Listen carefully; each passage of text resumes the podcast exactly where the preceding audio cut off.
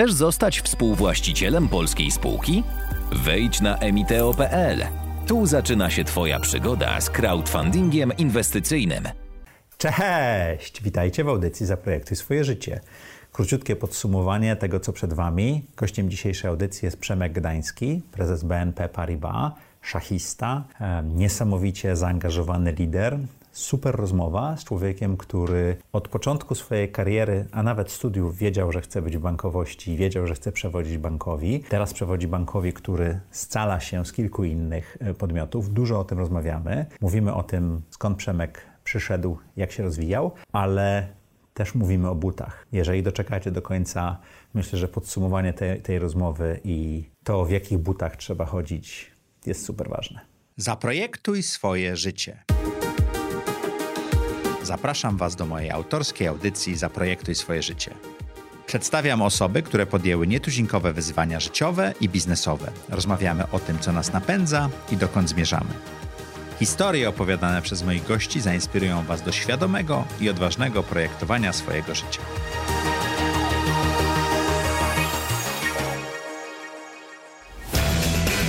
Najlepsze zmiany zaczynają się od wewnątrz. Stosuję tę zasadę w biznesie i życiu osobistym. Urządzając nowe studio, zadbałem o to, aby nasze wnętrze było estetyczne i praktyczne.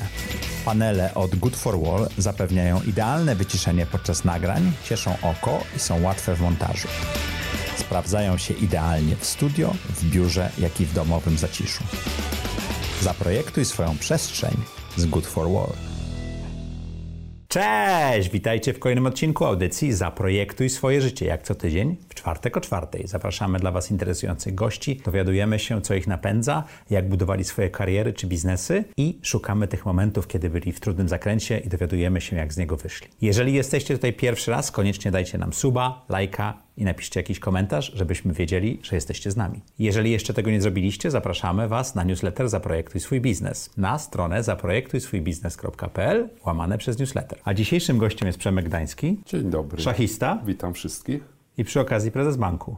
Szachista to kiedyś, teraz bardziej bankowiec. Niektórzy mhm. mówią, albo ja tak sobie o sobie mówię, skromny urzędnik bankowy. Okej. Okay. Ojciec, Przem... mąż, człowiek. O prezes bardzo poważnego banku. Sporego ciekawego, skomplikowanego, rosnącego. Zachęcam wszystkich do poznania nas w boju. Pracujemy, żeby być coraz lepsi. Przemku, ta audycja jest o projektowaniu życia, o tym, jak znalazłeś się w tym miejscu, gdzie się znalazłeś. Jak do tej pory wyglądało projektowanie Twojego życia? Wiesz, to zależy od tego, o jakim aspekcie mówimy, bo jeżeli mówimy o bankowości, to ja się muszę przyznać bez bicia. Ja od dość wczesnego etapu swojej edukacji akademickiej chciałem być w bankowości. Czyli wiedziałeś, że to jest ten kierunek? Wiedziałem, wrócę do tego, a od dość wczesnego etapu swojej pracy w bankowości wiedziałem, że chciałbym kiedyś pokierować bankiem. Okay. I może to zabrzmi nieskromnie, ale ta myśl mi towarzyszyła od pierwszych lat pracy w bankowości i w sumie nawet nie potrafię powiedzieć, dlaczego ona taka była wyrazista i dość mocno mnie przez to życie zawodowe wiodła. A teraz skąd ta bankowość? To tu jest kilka elementów. Ja bardzo dużo zawdzięczam zainteresowania tą branżą, żeby nie powiedzieć pasji do niej, nieżyjącemu już profesorowi Edmundowi Pietrzakowi, z którym miałem zajęcia na handlu zagranicznym na Uniwersytecie Gdańskim. On prowadził taki przedmiot rozliczenia międzynarodowe w czasach bardzo odległych i potrafił w sposób niesłychanie plastyczny i obrazowy, pełen pasji opowiadać o międzynarodowej bankowości, finansach, rynkach kapitałowych. No i dla nas, którzy nie mieli wtedy z tym do mhm. czynienia, nagle wydawało się, że to jest gdzieś okrąg, że możemy tego dotknąć, możemy tego posmakować. Ja się w to zanurzyłem w zasadzie bez reszty, ale to był mój ulubiony przedmiot. Zresztą jako jeden z niewielu zdałem bardzo dobrze egzamin, który był postrachem na naszych studiach, a potem przez rok w katedrze profesora pracowałem jako asystent. Czyli ty zaprojektowałeś trochę, czy też wiedziałeś, że to jest to i dążyłeś do tego? Od tamtego momentu wiedziałem, jeszcze był taki etap w moim życiu, kiedy to wyjechałem, na, wyjechałem do pracy najpierw, bo potem wyjechałem też na studia do Wielkiej Brytanii. Wyjechałem do pracy, pracowałem w retailu, to tak mhm. dobrze brzmi przede wszystkim, trochę w gastronomii, ale głównie w retailu. Tam jak miałem trochę czasu wolnego, a było go bardzo mało, to zwiedzałem sobie Londyn, ale ze szczególnym naciskiem na placówki bankowe. Z okay. każdej z tych... Czy mogłeś porównać to, co jest tam, a to, co było w no, Polsce? Tu wtedy to tak nie za rok? bardzo było. Który to, to końcówka lat 80. jeszcze. Okay. Tu jeszcze nie za wiele się w tej branży działo. działo. System był inny. Tam banków było wiele. To, co co mnie ujmowało, to mnogość kolorowych broszur. Ja te broszury sobie brałem całkowicie legalnie, a potem wieczorami je sobie czytałem. I przywiozłem dość dużo takich broszur po tym rocznym pobycie w Anglii, taki przepełniony myśleniem, że bankowość może być dużo ciekawsza, bardziej kolorowa, złożona, dbająca o klienta, zabiegająca o klienta. No tego jeszcze u nas tak zasadniczo nie było. E, no i to był taki ważny, ważny moment. No dodam jeszcze, że potem w Anglii przez rok studiowałem finanse międzynarodowe, mhm. żeby tą wiedzę jakby uzupełnić o tamtejsze, e, tamtejsze czy wzorce, czy czy mądrości. Znowu, w czasach jeszcze jak w Polsce to wyglądało mocno inaczej. Także ta Wielka Brytania, ale przede wszystkim profesor Pietrzak świętej pamięci Nadało ci tonu. Nadało ton reszcie życia zawodowego. A czego ciebie jako studenta i później nauczyła ta praca, w, jak powiedziałeś, w gastronomii w detalu? Czyli takie Och, to było zupełnie, inne, zupełnie inny świat y, i też zarabianie pieniędzy, ale to sam powiedzieć, że miałeś mało czasu, czyli to była raczej ciężka praca, prawda? To była ciężka praca, to były odległe czasy komunistyczne.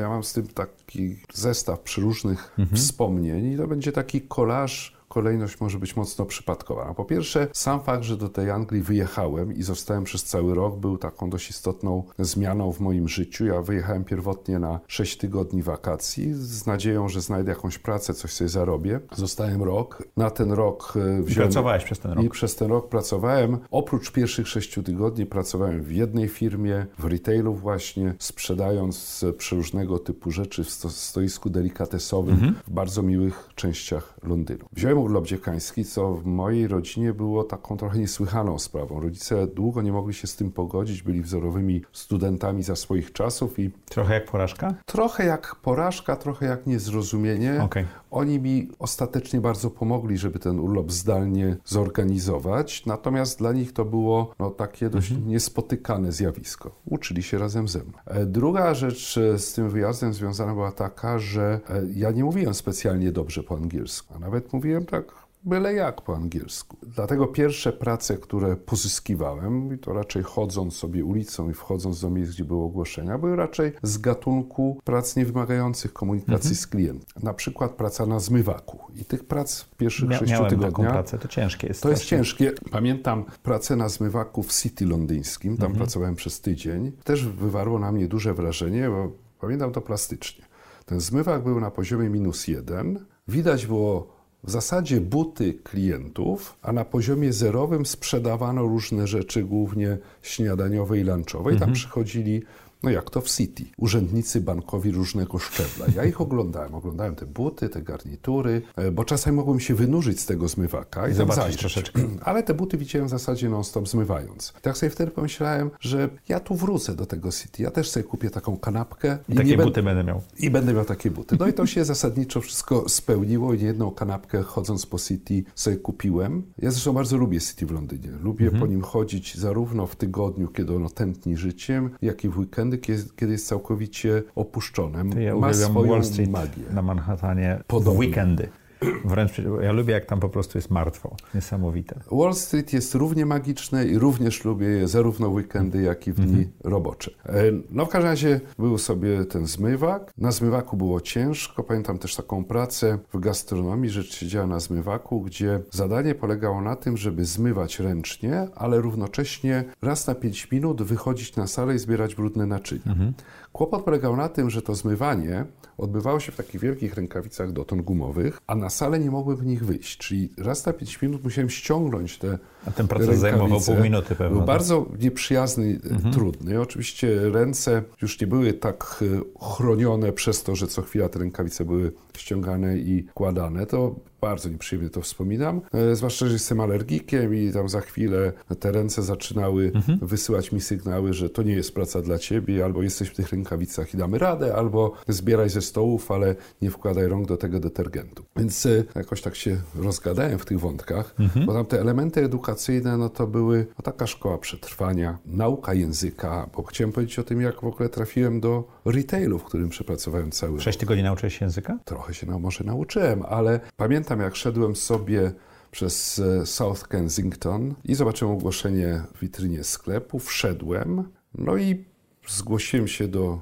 pracującego w stoisku delikatesowym młodego człowieka. Mówię, że ja tu w sprawie pracy. On tak chwilę ze mną porozmawiał. No i potem tę pracę mi zaoferował żebym się następnego dnia stawił i ją podjął. No, jego angielski był równie zaawansowany jak mój. On był Grekiem z Cypru, kuzynem właściciela szeregu tych stoisk. Dogadaliście się. Dogadaliśmy się pięknie. No jak już się stawiłem, zanim ten właściciel się pojawił, no to już tak w zasadzie okrzepłem w tej robocie po paru godzinach. No i tak zostałem. E, tak zostałem, byłem pierwszym pracownikiem z Polski, a jak po roku wyjeżdżałem, zresztą zrobiono mi takie eleganckie pożegnanie, to właściwie tylko jedna osoba nie była z Polski, no bo przedsiębiorca przekonał się, że pracujemy bardzo ciężko, jesteśmy elastyczni i do tego uczciwi. Mhm. Także, także to jest ten aspekt. Natomiast A angielski dzięki tym interakcjom bardziej się poprawił. On się prawda? bardzo poprawił, jak, naj, jak najbardziej mhm. rozwinął się, zwłaszcza w obszarze nazw serów, wędlin, sałatek, rodzajów pieczywa, no bo konwersacje jednak obracały się wokół tego, co myśmy sprzedawali w tym stoisku. Mhm. E, natomiast no to co ważne, to na pewno taki kontakt z klientem i, i nauka takiego customer service, którego w Polsce no też wtedy za bardzo, za bardzo jeszcze nie było. Tak? No, trzeba było być elastycznym, bardzo słuchać uważnie. Ja musiałem słuchać szczególnie uważnie e, z uwagi na jakość mojego angielskiego, żeby zrozumieć, co klienci do mnie mówią. A nie pytać 10 razy. Nie pytać 10 razy to po pierwsze. Po drugie, oni byli, ci klienci, z bardzo różnych też części Anglii, z mhm. różnych sfer, więc już niektórych takich stałych rozumiałem znakomicie i wydawaliśmy się bardziej zaawansowane pogawędki, ale byli tacy, których nie byłem w stanie zrozumieć mimo dopytania się. No, albo Cockney, albo ze Szkocji, albo Otóż coś. Otóż to. No okay. i wtedy trochę wszedłem w stronę intuicji takiego zablefowania, mm -hmm. bo jednym z e, takich sztandarowych produktów były przeróżnego typu robione na zamówienie kanapki. No i teraz ta kanapka mogła być z szeregiem różnych składników w środku. Jeżeli nie zrozumiałem do końca po dopytce, no to uznawałem, że w takim razie trzeba pójść takim tropem intuicyjnym i włożyć do tej kanapki to, co wydaje mi się, że będzie właściwe. Nie było problemów. Raz dostałem bułką w twarz. Okay. Od pracownika budowlanego, takiego Ale rozumiem, że, dlatego, że nie włożyłeś tego, co trzeba. Dokładnie tak. Okay. Ale nie byłem w stanie go zrozumieć. On był już poirytowany na starcie, był takim mhm. rosłym człowiekiem. To też uczy pokory. Mhm. Ja takie doświadczenia... A to jest klient, tak? To jest klient, więc oczywiście nie odrzuciłem w niego tą, tej bułki, ani nie rzuciłem w niego niczym innym. Pewnie przeprosiłem, już nie pamiętam szczegółów, mhm. ale, ale sytuacja która mi na, na długo zapadła w mhm. pamięć, pamiętam ją dość plastycznie do tej pory, y, która uczy i pokory, i tego, że błędy się zdarzają, i że różni ludzie na błędy, które popełniamy, reagują w różny sposób. Chciałem wrócić do szachów, bo dzięki Adamowi Mokryszowi e, stałym elementem od pierwszego odcinka wystroju audycji jest ta szachownica. Taka tu bałagan na niej jest. Jest, jest troszeczkę. Wydaje mi się, Było otwarcie. Mamy dwa czarnopolowe gońce. Jeśli chodzi o czarne figury, leżą kostki. Kostek w szachach nie używamy. A kostki są te, też częścią dekoru. Ja wiem, że to jest one dają, one dają los, ale rzeczywiście... Szachistanie, gdyby kubka nie postawił na szachownicy, no szanujemy szachownicę jako pole walki, kubek należało postawić gdzie indziej. Ja zdejmę ten kubek i nawet napiszę. Dobrze, zdejmiemy kubki, musimy zmienić dekorację. Chciałem wrócić do Twoich szachów. Szachy były ważną częścią Twojego dorastania, tak? I w pewnym sensie Cię zdefiniowały. Jak wpłynęło na Ciebie później i jak to się rozegrało? Znowu otwieramy taki rozdział, który może zająć bardzo wiele cennego A czasu. A mamy, jak zwykle z prezesami słuchaczy. banków, bardzo mało czasu na nagranie. Znaczy tak... A nie wiem, czy chcemy rozmawiać o początkach. Nie, bardziej by mnie interesowało, jak te szachy wpłynęły na ciebie. Czy, czy wiesz, ja, ja mam małe dzieci, czy pchać je w takie dyscypliny jak szachy? Nie pchać. E, czy, Dzieci czy... nie należy pchać w żadną stronę, którą one nie chcą iść, tak mi się wydaje. Tak. Natomiast e, w momencie, w którym dzieci same chcą się szachowo rozwijać, to uważam, że bardzo warto. No w moim przypadku to było tak, że po pierwsze mieliśmy w rodzinie wujka, który był zapalonym i dobrym mhm. szachistą. Po drugie mój tata był całkiem niezłym takim ponadamatorem szachowym, a mhm. równocześnie znakomitym brydżystą. A po trzecie szkoła podstawowa w mieście Słupsku, do której uczęszczałem, przeprowadziła eksperyment edukacyjny w strasznie dawnych czasach, wprowadzając szach jako przedmiot nauczania do szkoły. Bardzo dawno temu. I jeszcze zrobili to bardzo fajnie. Prowadził to świetny szachista i bardzo dobry trener. No i jakby ja już miałem Czyli podstawy. Te, te, szachy w pewnym sensie cię otaczały. Otaczały, a nawet oplatały, mhm. można by rzec. No w każdym razie podobały mi się te lekcje w szkole, szło mi dobrze. Następnym krokiem był klub. w klubie było jeszcze więcej zajęć, zaczęły się turnieje, wyjazdy, trenerzy, no i potem tam poszło Piąte całkiem. miejsce miałeś w Polsce w połowie lat 80. jeśli, jeśli Bywało tak, ja już nawet tego tak w szczegółach nie pamiętam, ale były czasy, że byłem numerem jeden w kadrze Polski juniorów i te perspektywy były całkiem interesujące. Natomiast no, z szachami to jest tak jak z wieloma innymi rzeczami. Albo się trzeba im oddać bez reszty i wziąć ryzyko, że sukces nie nadejdzie, albo, albo nie. Tak? I ja w pewnym momencie musiałem dokonać wyboru, czy bardziej szachy, czy bardziej edukacja i przyszły rozwój zawodowy. Połączenie tego mm, moim zdaniem niespecjalnie rokowało. No i wybrałem tą ścieżkę edukacyjną. No i jakby bardzo szybko szachy stały się pasją, hobby, przyjemnością, rozrywką, a przestały być jakimś takim sednem życia, którym przez kilka lat były. Były. Oczywiście kosztem innych różnego typu e, działań. Tak? I to był dobry wybór z Tego perspektywy nigdy czasu. nie wiemy. To znaczy, ja wiem, że ja grałem w szachy, jeździłem na zgrupowanie, jeździłem na mecze, na turnieje, pracowałem z trenerami. Moi koledzy kopali piłkę, grali w siatkówkę, w koszykówkę czy w tenisa. No ja tego nie robiłem, nie jeździłem na obozy, bo jeździłem na zgrupowania, nie jeździłem na kolonie, bo jeździłem na turnieje. A lubiłem to oczywiście. W żadnym momencie rodzice nie musieli mnie pchać w tą stronę, choć byli bardzo pomocni. Natomiast coś mi umknęło, a coś innego przeżyłem. I teraz nikt nigdy nie jest w stanie cofnąć się tak daleko wstecz i stwierdzić, że to jest na plus czy na minus. Ja, Piotr Płosz- Płoszański pięk, pięknie powiedział, że w życiu, w życiu nie ma testów AB. o właśnie. Tak? Ładnie. Żyjemy, żyjemy tylko wątkiem A. Wracając do Twojego wątku A. Studia, praca na katedrze, praca w bankowości. Ale jeszcze o tych szachach chciałem, Okej, bo wiesz, przepraszam. tak w sumie żeśmy się tam pogrzebali, ale ja uważam, że szachy mi dużo dały i dalej mi dają. To bym chciał chyba przekazać wszystkim, którzy się zastanawiają, czy nauczyć się grać w szachy, czy grać w szachy, jak podejść do zainteresowania dzieci, jeśli chodzi o szachy. Szachy uczą przewidywania przyszłości, no bo trzeba policzyć kilka ruchów do przodu i ocenić, jaką mamy pozycję i co dalej. Szachy uczą na pewno odporności na ciosy. Nie ma szachisty, który wygrywa wszystkie partie na turnieju, więc jeżeli jedziemy na turniej, powiedzmy 11-rundowy, no i dostajesz w skórę w pierwszej partii i jeszcze w drugiej, no to no, no nie ma opcji, tak? Trzeba wstać, otrzepać się, zebrać w sobie energię i walczyć dalej, aż do końca. Równocześnie trzeba, trzeba umieć utrzymać koncentrację do końca. Ja pamiętam taki turniej w Szwecji, to jeden z moich pierwszych wyjazdów na zachód w ogóle, turniej, międzynarodowy turniej juniorów. Fajny turniej, pięknie tam było i dobrze mi szło. I dwie rundy przed końcem ja prowadziłem w tym turnieju z bardzo dużą przewagą. Półtora punktu. No i dobrze mi szło. A to były jeszcze takie czasy, że, że jakby ten przelicznik nagrodowy był zdecydowanie na korzyść krajów Europy Zachodniej, więc ja już tak właściwie zacząłem sobie chodzić po sklepach i myśleć, co ja sobie za tą nagrodę Wi- Witałeś kupię. się z gąską, tak? Tak, bo miałem półtora punktu przewagi. Jak wiadomo, w szachach za wygraną można dostać jeden punkt, za remis pół, Mhm. dwie rundy do końca, czyli teoretycznie, gdybym zdobył jeden punkt z tych dwóch partii, a szło mi dobrze, To no to bym wygrał na 100%. Gdybym zdobył tylko pół, to bym prawdopodobnie dzielił pierwsze miejsce, to wtedy się liczy dodatkową Mhm. punktację, mógłbym dalej być pierwszy albo drugi, nie mogło być źle. No i do, doszło do takiego no, pewnego wewnętrznego rozprzężenia. Ja sobie wtedy oczywiście nie zdawałem z tego sprawy. No efekt tego był taki, że przegrałem te dwie ostatnie partie.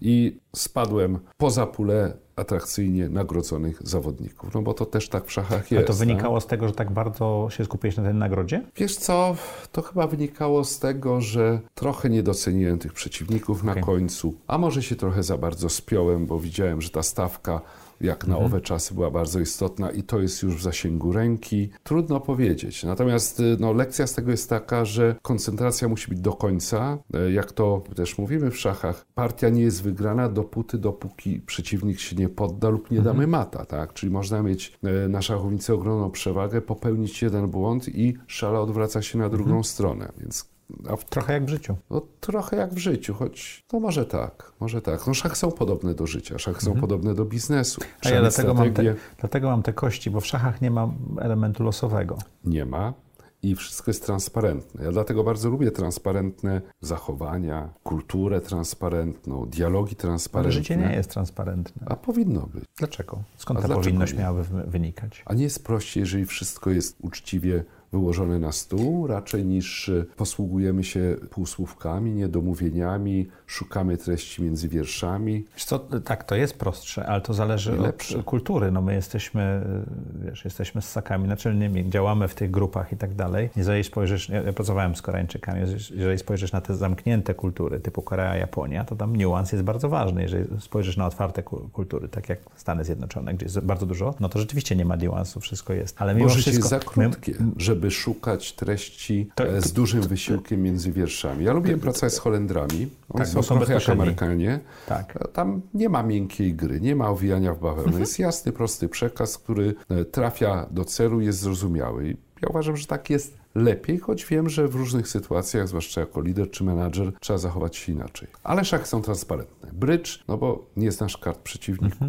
A tu wszystko widać, wszyscy widzą. No i nawet nie ma jak oszukiwać. Nie ma prawda. karty w rękawie. To prawda. Można mieć lepszy dzień, gorszy dzień, być lepiej przygotowanym. No właśnie, bo wracając do szachów, szachy to jest też ciężka praca. I szachy uczą ciężkiej, metodycznej pracy. Mhm. Bo Bo musisz rozu- rozumieć te rozgrywki, tak? znaczy, musisz się przygotować do każdego turnieju, być na bieżąco, grać odpowiednią ilość partii w roku, prowadzić własne analizy. No, to się oczywiście zmieniło. Teraz dużo, dużo pracy wykonywanych, wykonywanej jest z pomocą komputerów. Za moich czasów to było prowadzenie metodycznych notatek, to było czytanie literatury, która w papierze wychodziła. Pamiętam w Słupsku chodziłem na dużej przerwie w- z ogólniaka do Empiku, bo tam czasami były szachowe gazety po rosyjsku. No ja te gazety, no nie mogłem się doczekać, jak one już przychodziły, to je kupowałem, były tanie e, i czytałem je od deski do deski, zarówno treść, jak i partie, które tam były. No dzięki temu się nauczyłem rosyjskiego całkiem dobrze, a nawet bardzo dobrze w swoim czasie.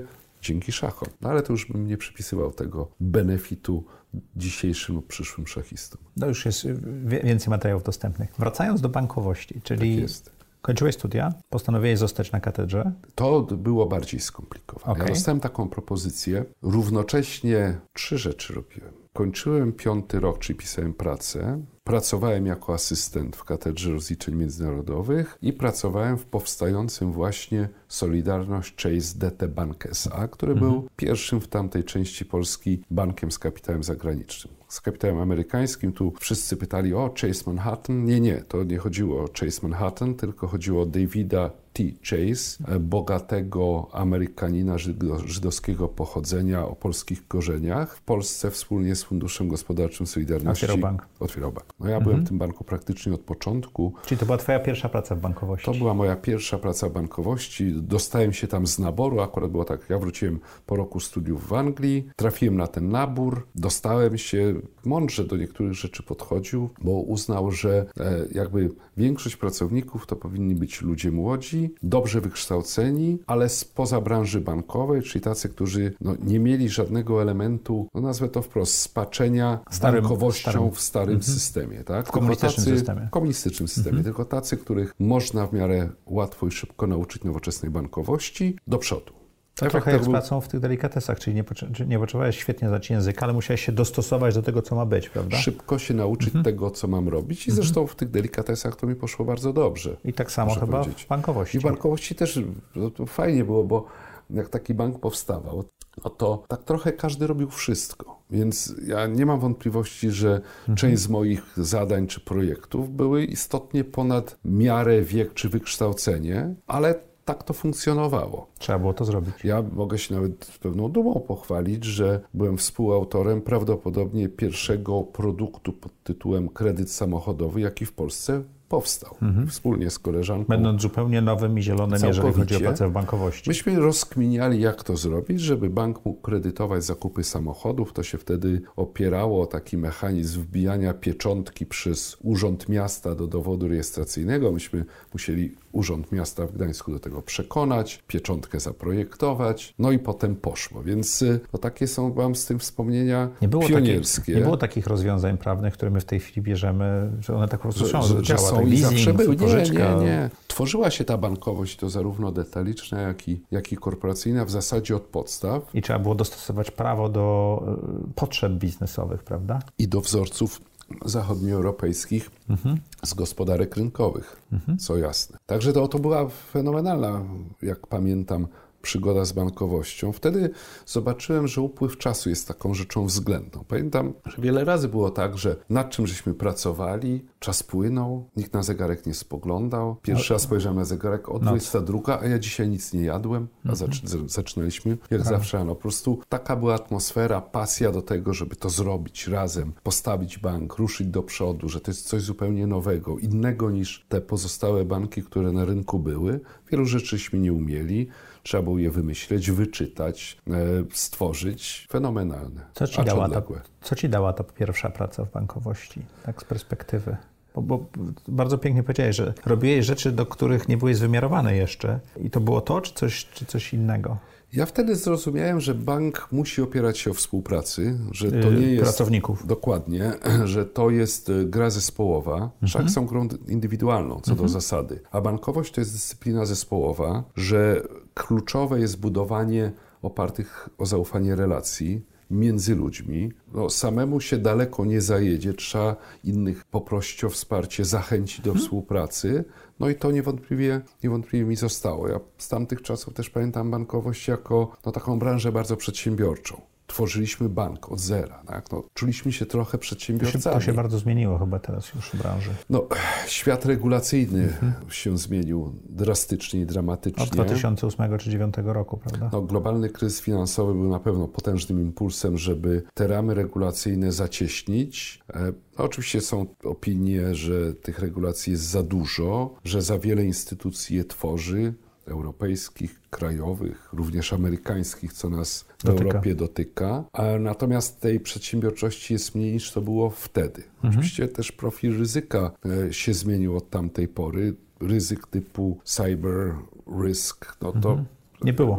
nie było, no, były systemy informatyczne, ale jednak klient pracował z bankiem poprzez oddziały bądź kontakt osobisty. E, Podejście do compliance, które teraz jest no, kluczową sprawą, też było inne. Jakoś, no nie wiem, czy nikt nie dostrzegał tych ryzyk, czy po prostu ich nie było, bo skala, z, skala bankowości w Na Polsce była były, zbyt tylko mała. skala tych ryzyk była inna niż w tej chwili, prawda? Tak mi się zdaje. Poziom zaawansowania tych złych ludzi też, Też się zmienił. był inny, więc Tak. y, Teraz mamy globa, globalny świat, można łatwo się dowiedzieć, co, y, jaki przekręt wyszedł w Singapurze czy Dokładnie gdziekolwiek tak. indziej, sprowadzić go na Wisłę, prawda? E, Pracowałeś w wielu bankach. E, Do 2017 roku zmieniałeś różne rzeczy. Z czego wynikała taka ścieżka? No ja powiem tak, ja pracowałem w no, kilku bankach, Kilku. i nawet w paru krajach, ale przed 2017 rokiem przez 9 lat pracowałem w M-Banku.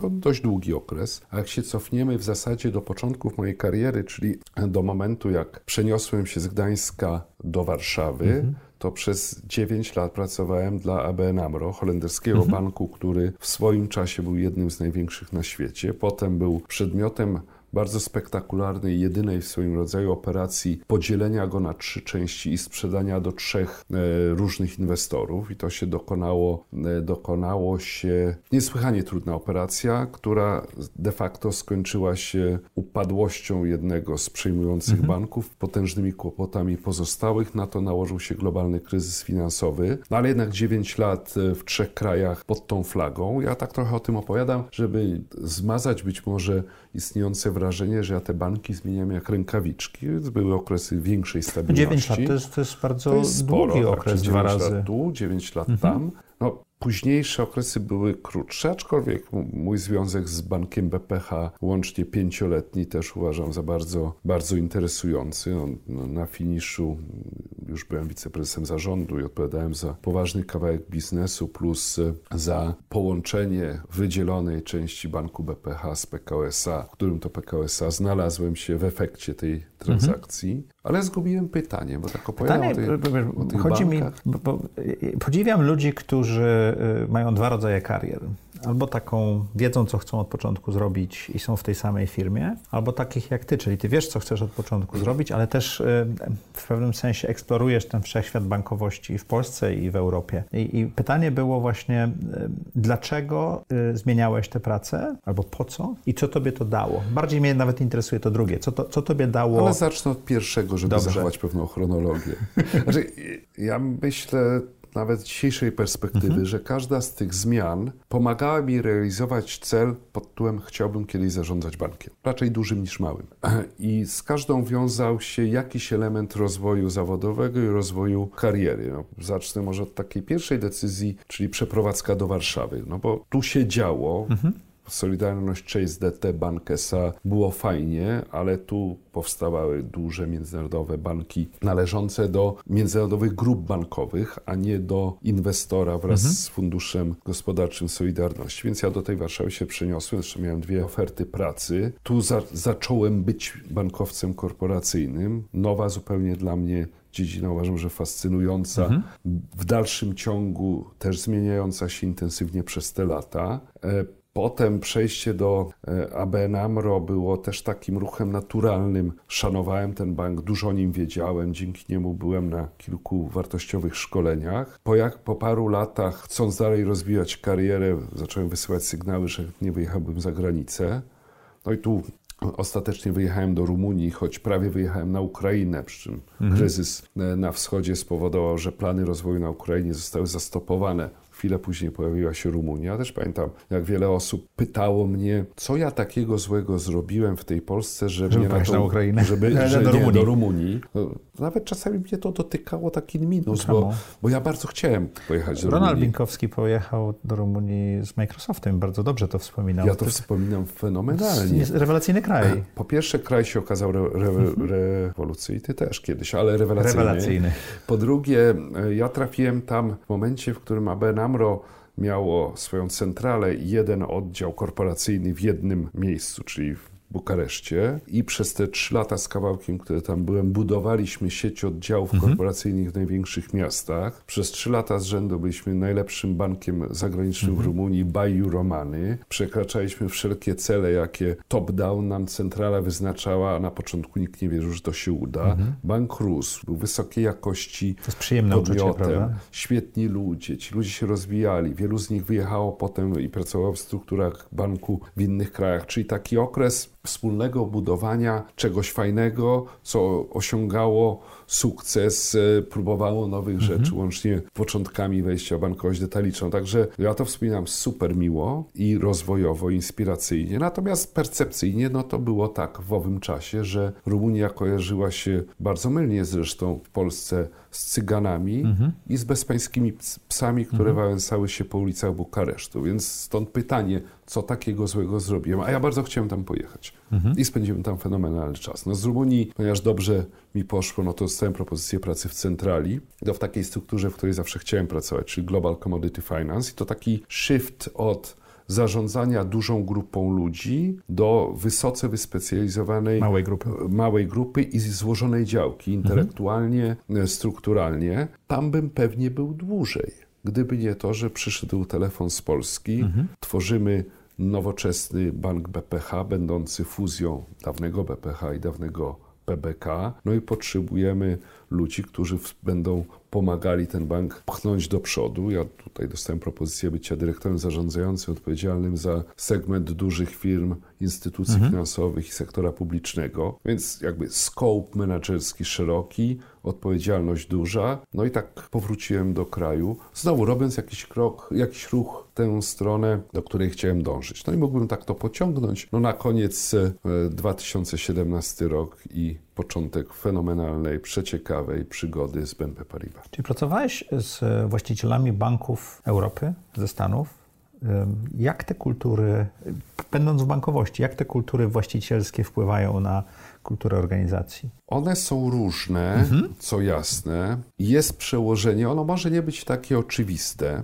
Ja już przyznam szczerze, jestem takim dość uporządkowanym człowiekiem, a nawet uważanym za pedanta w pewnych mhm. kwestiach. Dobrze się czułem w kulturze holenderskiej, która była co do zasady mocno uporządkowana. I bardzo różna od kultury francuskiej na przykład. Różna od kultury francuskiej. W kulturze niemieckiej, której pewne elementy zaabsorbował mBank, również mhm. było bardzo, bardzo sympatycznie, ale również ciekawie jest pracować dla nacji bardziej południowych, gdzie mhm. no, zwłaszcza w banku PKO SA za włoskich mhm. czasów było sporo takiego i chaosu, i improwizacji, i brania ryzyk na zasadzie zróbmy to, zobaczymy, co się Czyli stanie. bardziej wyczucia niż e, Wyczucia, kalkulacji. intuicji i tak dalej. BNP Paribas jest o tyle inna historia, że to jest absolutnie topowy bank pod każdym Mhm. względem. I jeśli chodzi o skalę, jeśli chodzi o obecność geograficzną, więc jakkolwiek technicznie jest to bank francuski, to kulturowo zaabsorbował bardzo wiele elementów z tych Mhm. krajów, których które uważa za udomowione rynki. E, Czyli jest międzynarodowy jest kulturowo. po prostu bardzo międzynarodowy kulturowo, a nasi Francuzi, z którymi pracujemy, oni zazwyczaj sami pracowali w różnych krajach Mhm. albo współzarządzali różnymi geografiami, w związku z tym oni nie są, mam nadzieję, że typowo francuski. No właśnie. Tak. Ja mam dobre skojarzenia zarówno znaczy. ze wszystkimi bankami, które wymieniasz, bo zarówno ABN AMRO udzielało im pożyczki na INSEAD, jak i BNP Paribas było tym bankiem, w którym te pieniądze z pożyczki trzymałem, żeby zapłacić za INSEAD i one się przewalowały z franka na euro, bo ja byłem dokładnie e, w tym momencie, kiedy była wymiana. Powiedziałeś jedną rzecz, którą chciałem e, zgłębić, jeśli możliwe. Powiedziałeś, że te wszystkie prace przy, przygotowały cię poniekąd do bycia prezesem takiego banku, jak, jak BNP Paribas w Polsce, tak? W sensie po pierwsze takim, że starałem się, żeby każdy, każda zmiana dostarczała mi czegoś nowego. Albo zwiększając no, skalę zarządzania, czy to jeśli chodzi o odpowiedzialność budżetową, wynikową, czy jeśli chodzi o skalę zespołu, który mi podlegał, albo pogłębiała moją wiedzę lub zrozumienie jakiegoś określonego obszaru, dodając jeszcze pewną specjalizację, która potem e, w różnych sytuacjach okazywała się transakcyjnie bardzo przydatna. No i jednak każdy z tych ruchów był ruchem no, co do zasady w górę, tak? czyli przybliżał mnie do tej roli, jaką jest jedynka w banku znaczącym systemowo. Nawet jak poszedłeś do Structured Finance, to był ruch w górę w pewnym sensie? To było zdobycie pewnej specjalizacji, Okej. która praktycznie była cenna, czy to przy transakcjach, Mhm. czy nawet powiem wprost, przy takim zwróceniu na siebie uwagę, uwagi. Że masz y, doświadczenie, które odstaje od y, większości kontrkandydatów, tak? Dokładnie tak. Prowadzisz bank, który jest bardzo nowoczesny. Angażujesz się w różnego rodzaju inicjatywy, tak? które zwracasz uwagę na to, jak społeczeństwo działa i tak dalej. Razem jesteśmy w boardzie Digital University y, y, i, i, i robimy, robisz dużo takich rzeczy, które są super ciekawe. Jak znajdujesz na to czas, żeby być taką, takim zaangażowanym liderem, nie tylko w pracy? Bo jednak praca w obecnej sytuacji w sektorze bankowym jest trudna. Po pierwsze, ja uważam, że lider nie może nie być zaangażowany. Zostając, stając się liderem, trzeba być czymś więcej niż menadżerem w firmie, w której się pracuje. Jednak wpływ liderów na ten świat, w którym żyjemy, na ludzi, z którymi pracujemy, bądź których obsługujemy jako klientów, jest istotny. W związku z tym no, ciąży na nas taki moralny obowiązek, żeby spróbować we własnym zakresie czynić ten świat bardziej wartościowym. Czyli przestać lepszym. skupiać się na karierze, bo już ją osiągnąłeś, tylko spróbować zmieniać świat wokół siebie. Oczywiście to nie jest takie zero-jedynkowe. Ja, tak? ja wiem, ale z jednej to, strony próbuję jest cię tutaj, wiesz, po trochę pod włos. odpowiedzialność związana z tym, kim jestem zawodowo, ale z drugiej strony, to ja bym to może tak spróbował nazwać, że to jest też taka potrzeba oddania trochę czegoś światu, tak? czegoś z tych doświadczeń, czegoś z tego sukcesu, jaki osiągnąłem, a wpływania z wykorzystaniem jakiegoś autorytetu, sieci kontaktów, bycia słuchanym na innych, żeby wspólnymi sił, siłami ten świat był no, lepszy, przynajmniej lepszy wedle mojego pojmowania tego, co to oznacza lepszy świat. Tak? Czyli o czym my mówimy? My mówimy o diversity and inclusion, mówimy o wszelkich kwestiach środowiskowych, mówimy o zrównoważonym rozwoju, mówimy o wspieraniu tych, którzy potrzebują pomocy trochę bardziej niż tych pozostałych. Mówimy o wzajemnym szacunku do siebie, no pewnie o wielu różnych rzeczach, tak? No, I To są te misje i sztandary, które ty chcesz nosić i, i wpływać na nie, prawda? Czy to są rzeczy, w które ja osobiście Wierzysz. głęboko wierzę? Okej. No, jestem wielkim szczęściarzem, że organizacja, w której jestem, podziela w zasadzie wszystkie te elementy mojego systemu wartości, więc nie dość, że podziela, to je wspiera, czyli współdziałamy na Mhm. wielu, na wielu frontach. No, zrównoważony rozwój jest Mhm. super ważny dla BNP Paribas, super ważny dla mnie, dla mojego zespołu. Natomiast wracając jakby do pytania zero-jedynkowo, tak, skąd czas? No czas się bierze stąd, że pracuję z fenomenalnym zespołem, tak? I to nie jest tak, że prezes musi banku zrobić wszystko. Ja mocno wierzę w empowerment, mocno wierzę w delegowanie, we wspieranie ludzi, ale nie w to, że ja wszystko muszę zrobić sam. No tego też przez lata się nauczyłem, że, że pracując z właściwymi ludźmi i właściwie z nimi pracując, nie ma problemu, żeby był czas również na rzeczy, które są wartościowe, aczkolwiek nie wpływają wprost na e, rachunek zysków i strat instytucji, którą, którą kierują. Jak budowałeś ten zespół? Bo BNP też jest y, takim przykładem banku, który urósł w Polsce poprzez przejęcia, prawda? Tak jest. Więc ten zespół poniekąd trudniej było zbudować niż tak wybiorę sobie te osoby i wszystko. Zgoda.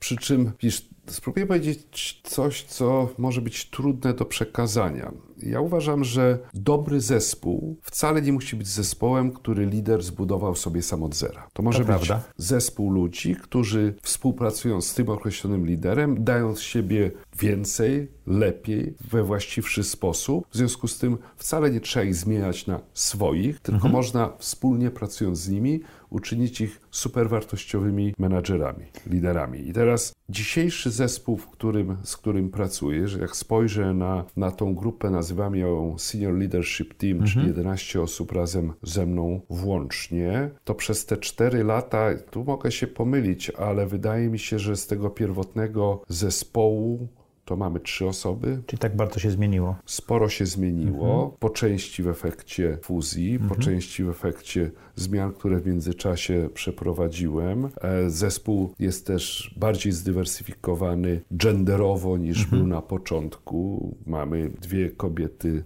w, w, tym, w tym teamie mamy trzy kobiety, technicznie w zarządzie dziew- dziewięcioosobowym dwie. E, No, startowaliśmy z dużo niższego pułapu. To oczywiście są zmiany, które zachodzą ewolucyjnie i to nie są łatwe, łatwe zmiany, zwłaszcza jeżeli mamy dobry zespół, aczkolwiek bardzo męski. Ale uważam, że, że zmiany w tym kierunku są nieodzowne, nieuniknione. nieuniknione i wymagają wsparcia. No więc zespół jakby w dużym stopniu się zmienił, ale też fenomenalni są ci, z którymi pracuję od początku, których zastałem przychodząc do banku. I tu ja bym powiedział tak, rada dla, dla liderów dzisiejszych lub przyszłych. Wchodząc w nową rolę, warto dać każdemu szansę i wydobyć jak najwięcej z ludzi, którzy już byli w firmie przed nami, raczej niż podchodzić do tego w taki Że wymiatający swoich. sposób, tak, mam swój team, z którym wszędzie wjeżdżam, a tych tutaj niezależnie jacy są, nie potrzebuję.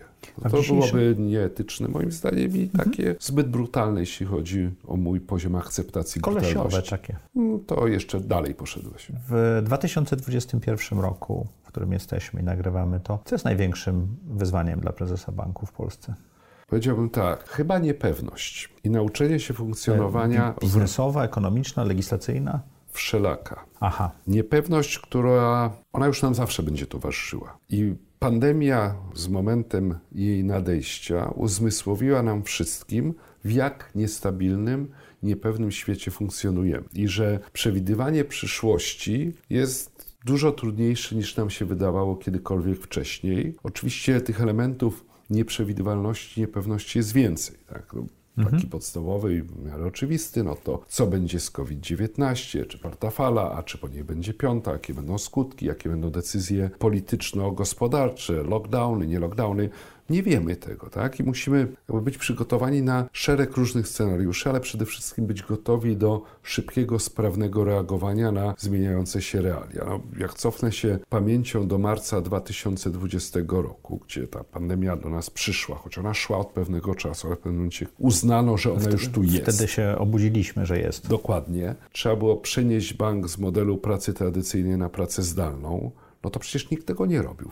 Nikt nawet o tym wcześniej nie myślał, że taka okoliczność może, może zaistnieć. Pamiętam taką rozmowę, którą odbyłem z managementem naszego centrum zapasowego, no bo banki zawsze miały plany awaryjne, żeby w razie czego mieć alternatywne lokalizacje, takie trzymane pod parą, gdzie operator tego centrum w pierwszym odruchu nie chciał nas tam wpuścić, mówiąc, no ale to miało być w razie pożaru albo jakiejś eksplozji, albo braku prądu w części miasta, ale nie na wypadek pandemii. No przecież to się u nas może rozprzestrzenić. No wszystko się dobrze skończyło, skorzystaliśmy oczywiście z tego centrum zapasowego, ale jakby nikt nie był na to tak do końca przygotowany. I to, że cały sektor bankowy bardzo sprawnie przeniósł się e, z biur centrali e, do przestrzeni zdalnej, że nie było żadnych praktycznie utrudnień w funkcjonowaniu. No, bankowość jest swoistym krwiobiegiem i dla gospodarki, ale dla, Też poziom dla bezpieczeństwa, który jest potrzebny i tak dalej, tak? no to pokazaliśmy jako branża, no i każdy z nas z osobna, że umiemy reagować szybko, zdecydowanie, podejmować decyzje w warunkach nietypowych, nieprzetestowanych wcześniej. No i to jest umiejętność, która będzie coraz bardziej A w tym kluczowa. roku jakie masz największe wyzwania? W tym roku. W tym, w tym, w tym okresie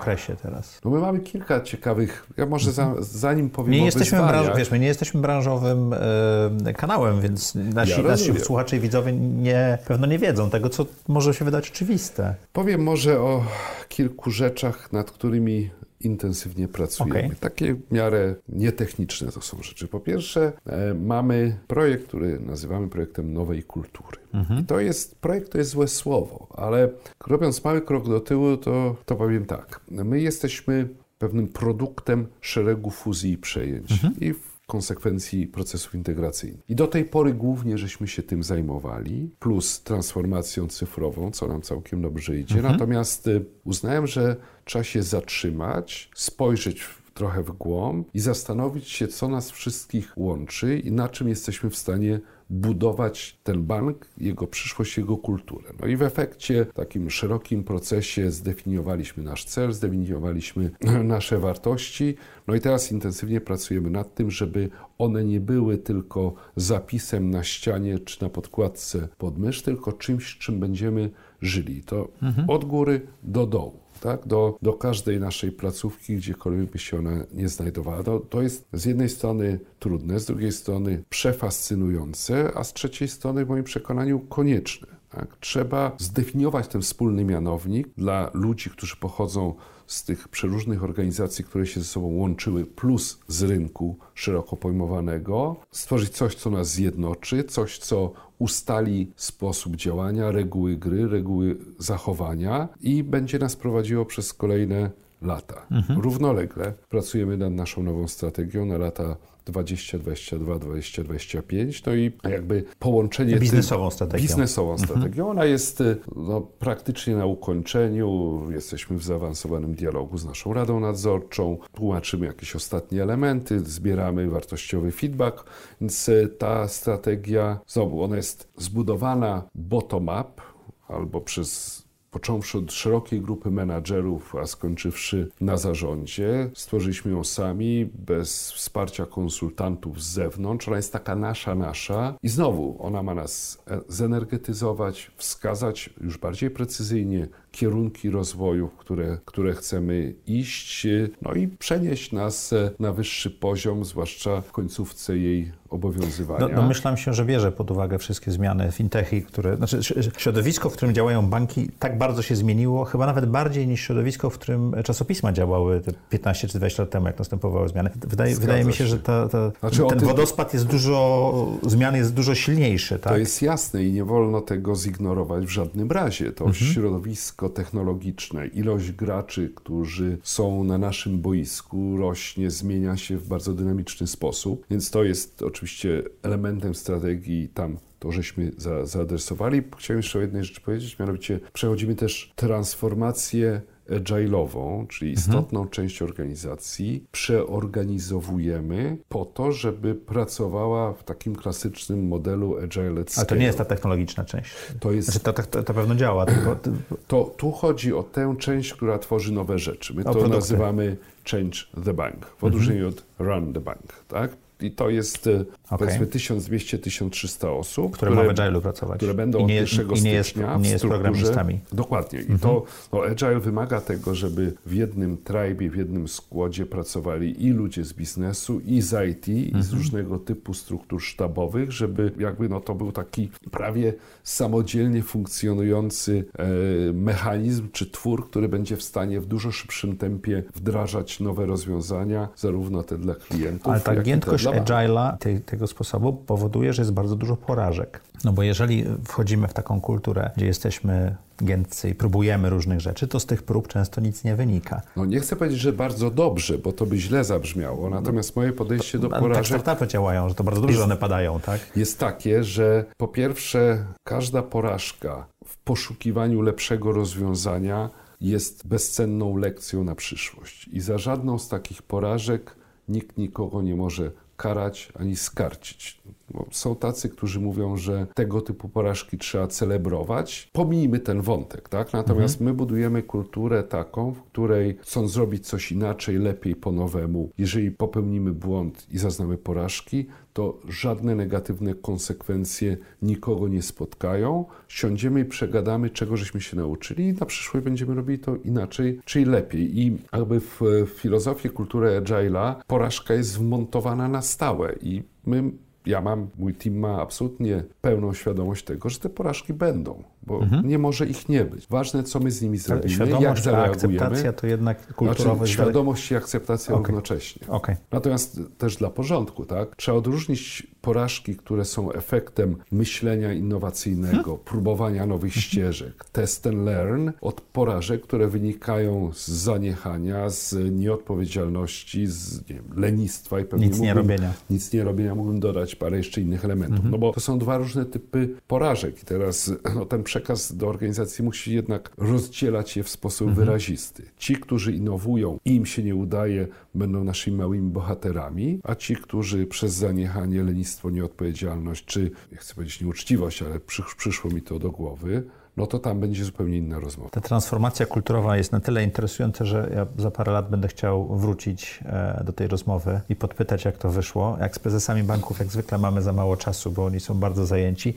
W audycji Zaprojektuj swoje życie zadajemy takie dociekliwe pytania, albo trudne, żeby poznać trochę lepiej naszych gości. E, jeśli pozwolisz, to kilka ci zadam. Spróbujemy. Czy jest coś, co mógłbyś przestać teraz robić, co poprawiłoby twoje samopoczucie albo spowodowało twój rozwój? Ja się czasami martwię za bardzo na zapas. I to wynika z tych szachów, że to tak do przodu... Spojrzałem na szachownicę nie bez kozery, że e, jednak i ten background szachowy i to takie bankowe wyszkolenie w tym w obszarze zarządzania ryzykiem powodują, że ja nie mogę się oprzeć przed takim budowaniem scenariuszy, w tym tych, które są negatywne mhm. czy pesymistyczne, po czym emocjonalnie się zaczynam przejmować, ojej, a co będzie, jak to pójdzie w taką stronę. I to jest zarówno, zarówno w życiu, jak i w sytuacjach biznesowych. I Myślę sobie, że zbudowanie takiego większego dystansu i być może czasami wręcz wyeliminowanie takiego myślenia wieloscenariuszowego i daleko wychodzącego w przyszłość uczyniłoby mnie bardziej zrelaksowanym człowiekiem. Znam to uczucie bardzo dobrze. Jak to opowiadałeś, to aż, aż czułem. Rezonowało. Rezonowało bardzo. E, audycja między innymi dlatego działa, że mm. powiedziałem, co, cokolwiek się wydarzy, będzie fajnie. I to rzeczywiście zadziałało. Jaką masz supermoc? Wiesz co? Ja chyba bardzo lubię ludzi. Lubię ludzi, hmm? lubię z nimi pracować, lubię z nimi rozmawiać, lubię z nimi być. Czy to jest supermoc? Nie wiem, czy bym tak to nazwał. Ale, ale... jak Ciebie znam, to bardzo do Ciebie pasuje. No bo rozmawiamy sobie tutaj szczerze. Mhm. Transparentność, mhm. gdzieś ten wątek na początku się, się pojawił. Takie zasady, które są przejrzyste dla wszystkich. Dokładnie. Natomiast wiesz, czy w ogóle od liderów trzeba oczekiwać supermocy? My jesteśmy normalnymi ludźmi. No, nie, jak wiele, wiele nie, Ja twierdzę, osób. że wszyscy I... mają supermoc, nie tylko no. liderzy. Ja twierdzę, że każdy z nas ma supermoc i odkrycie tej, mi, mi odkrycie tego, że zadawanie dociekliwych pytań jest jakąś moją supermocą i takie drapanie do, do mhm. wątku powodowało, że mogłem zrobić audycję, bo mi to sprawiało po prostu przyjemność, rozmowy z ludźmi i tak dalej. Twierdzę, że każdy człowiek ma supermoc. Być może kwestia w definicji, co to znaczy supermoc, mhm. tak? bo słowo super sugeruje, że to jest coś no nie wszyscy, nie wszyscy latają no, tak ale wtedy jest krypton i, i to zabija. Czego nauczyła Cię pandemia? No, trochę wspomniałem o tym.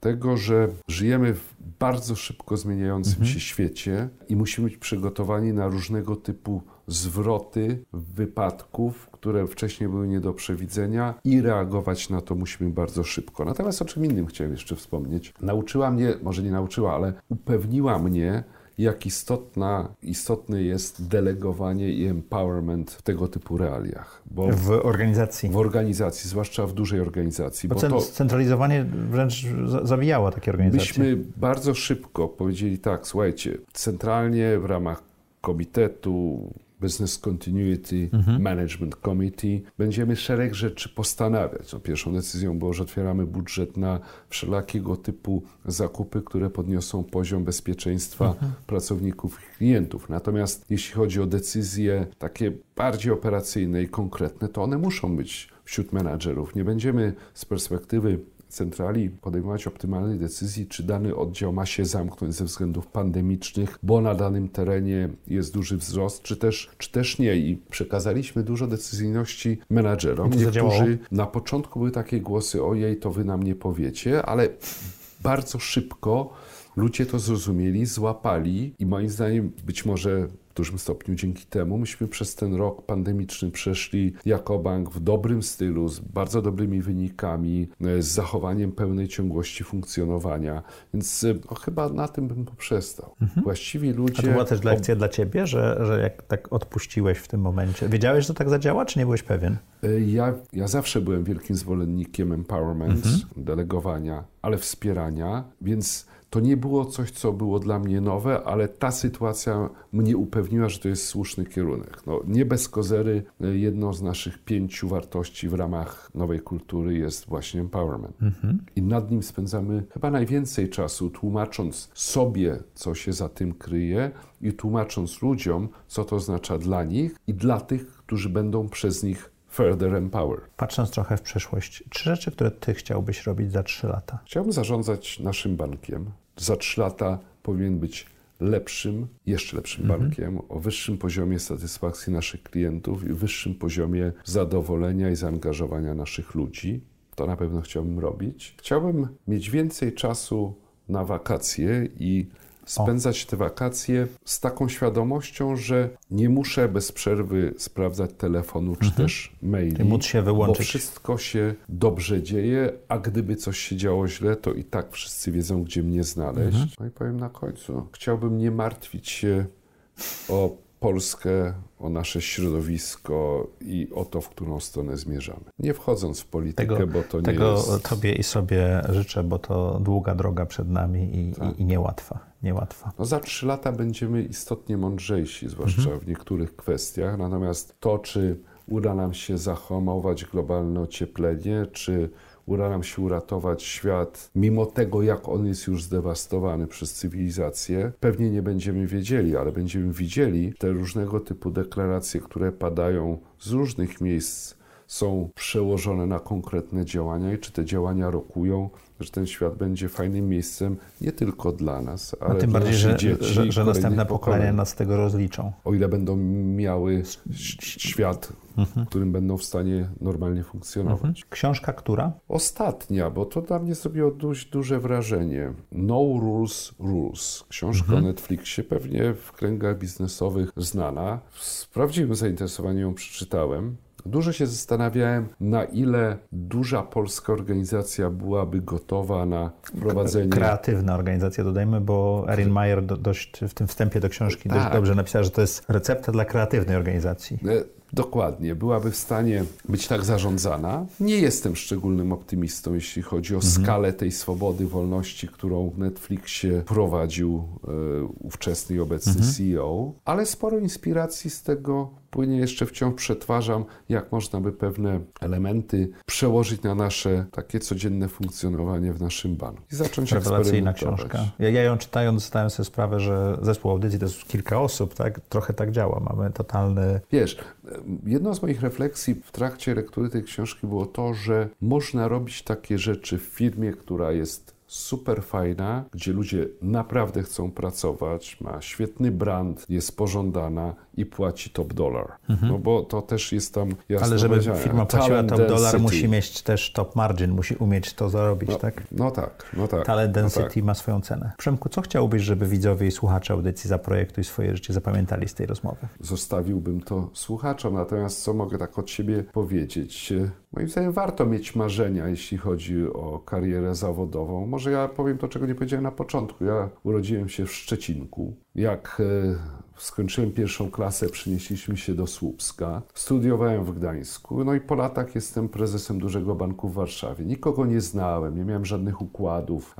Rodzice byli nauczycielami akademickimi i jakby trochę szczęścia, trochę własnej pracy ciężkiej dużo pasji, jednak taki nakreślony, taki nakreślony może nie tyle plan, co marzenie gdzieś na końcu tej ścieżki. No i się udało, tak? Mhm. Albo mi się udało, albo się ciężką udało. Pracą, ciężką, ciężką pracą. pracą. E, konsekwencją ja nigdy nie pracowałem poza bankowością i się nigdzie nie wybieram, mimo że jak żeśmy sobie powiedzieli wcześniej, ona kiedyś była bardziej mhm. przedsiębiorcza i fascynująca niż jest teraz. Więc no, myślę, że warto mieć marzenia i do nich dążyć. E, warto być skromnym i pokornym, znać też swoje, swoje słabsze strony strony e, i być może nie warto porywać się na rzeczy, które są całkowicie abstrakcyjne. No ja nie przebiegnę setki poniżej 10 sekund. Ty chyba też, Maćku, na razie. Ja nie wiem, czy setkę czas... zrobię przez 10 minut, ale tak. No w obecnych realiach, tak? Więc e, trochę takiej pokory, że nie wszystko nam się, nie wszystko nam się uda. No myślę, że też warto być sobą, a zaczynając taką ścieżkę zawodową, to użyję zwrotu, którego lubię używać. Warto chodzić w swoich butach, a jeżeli te no. ubrane na początku to nie są twoje buty, bo albo zmienić. są za duże, albo uwierają, no to trzeba zmienić. A im człowiek młodszy, tym więcej par butów może zmienić, zanim mhm. znajdzie te właściwe, które go poniosą dalej w przyszłość. Bardzo Tyle. filozoficznie, ale pięknie. Dziękuję Ci ślicznie. Dziękuję Ci bardzo. Dziękuję, Dziękuję Wam i jak co czwartek o czwartej zapraszamy do audycji Zaprojektuj swoje życie.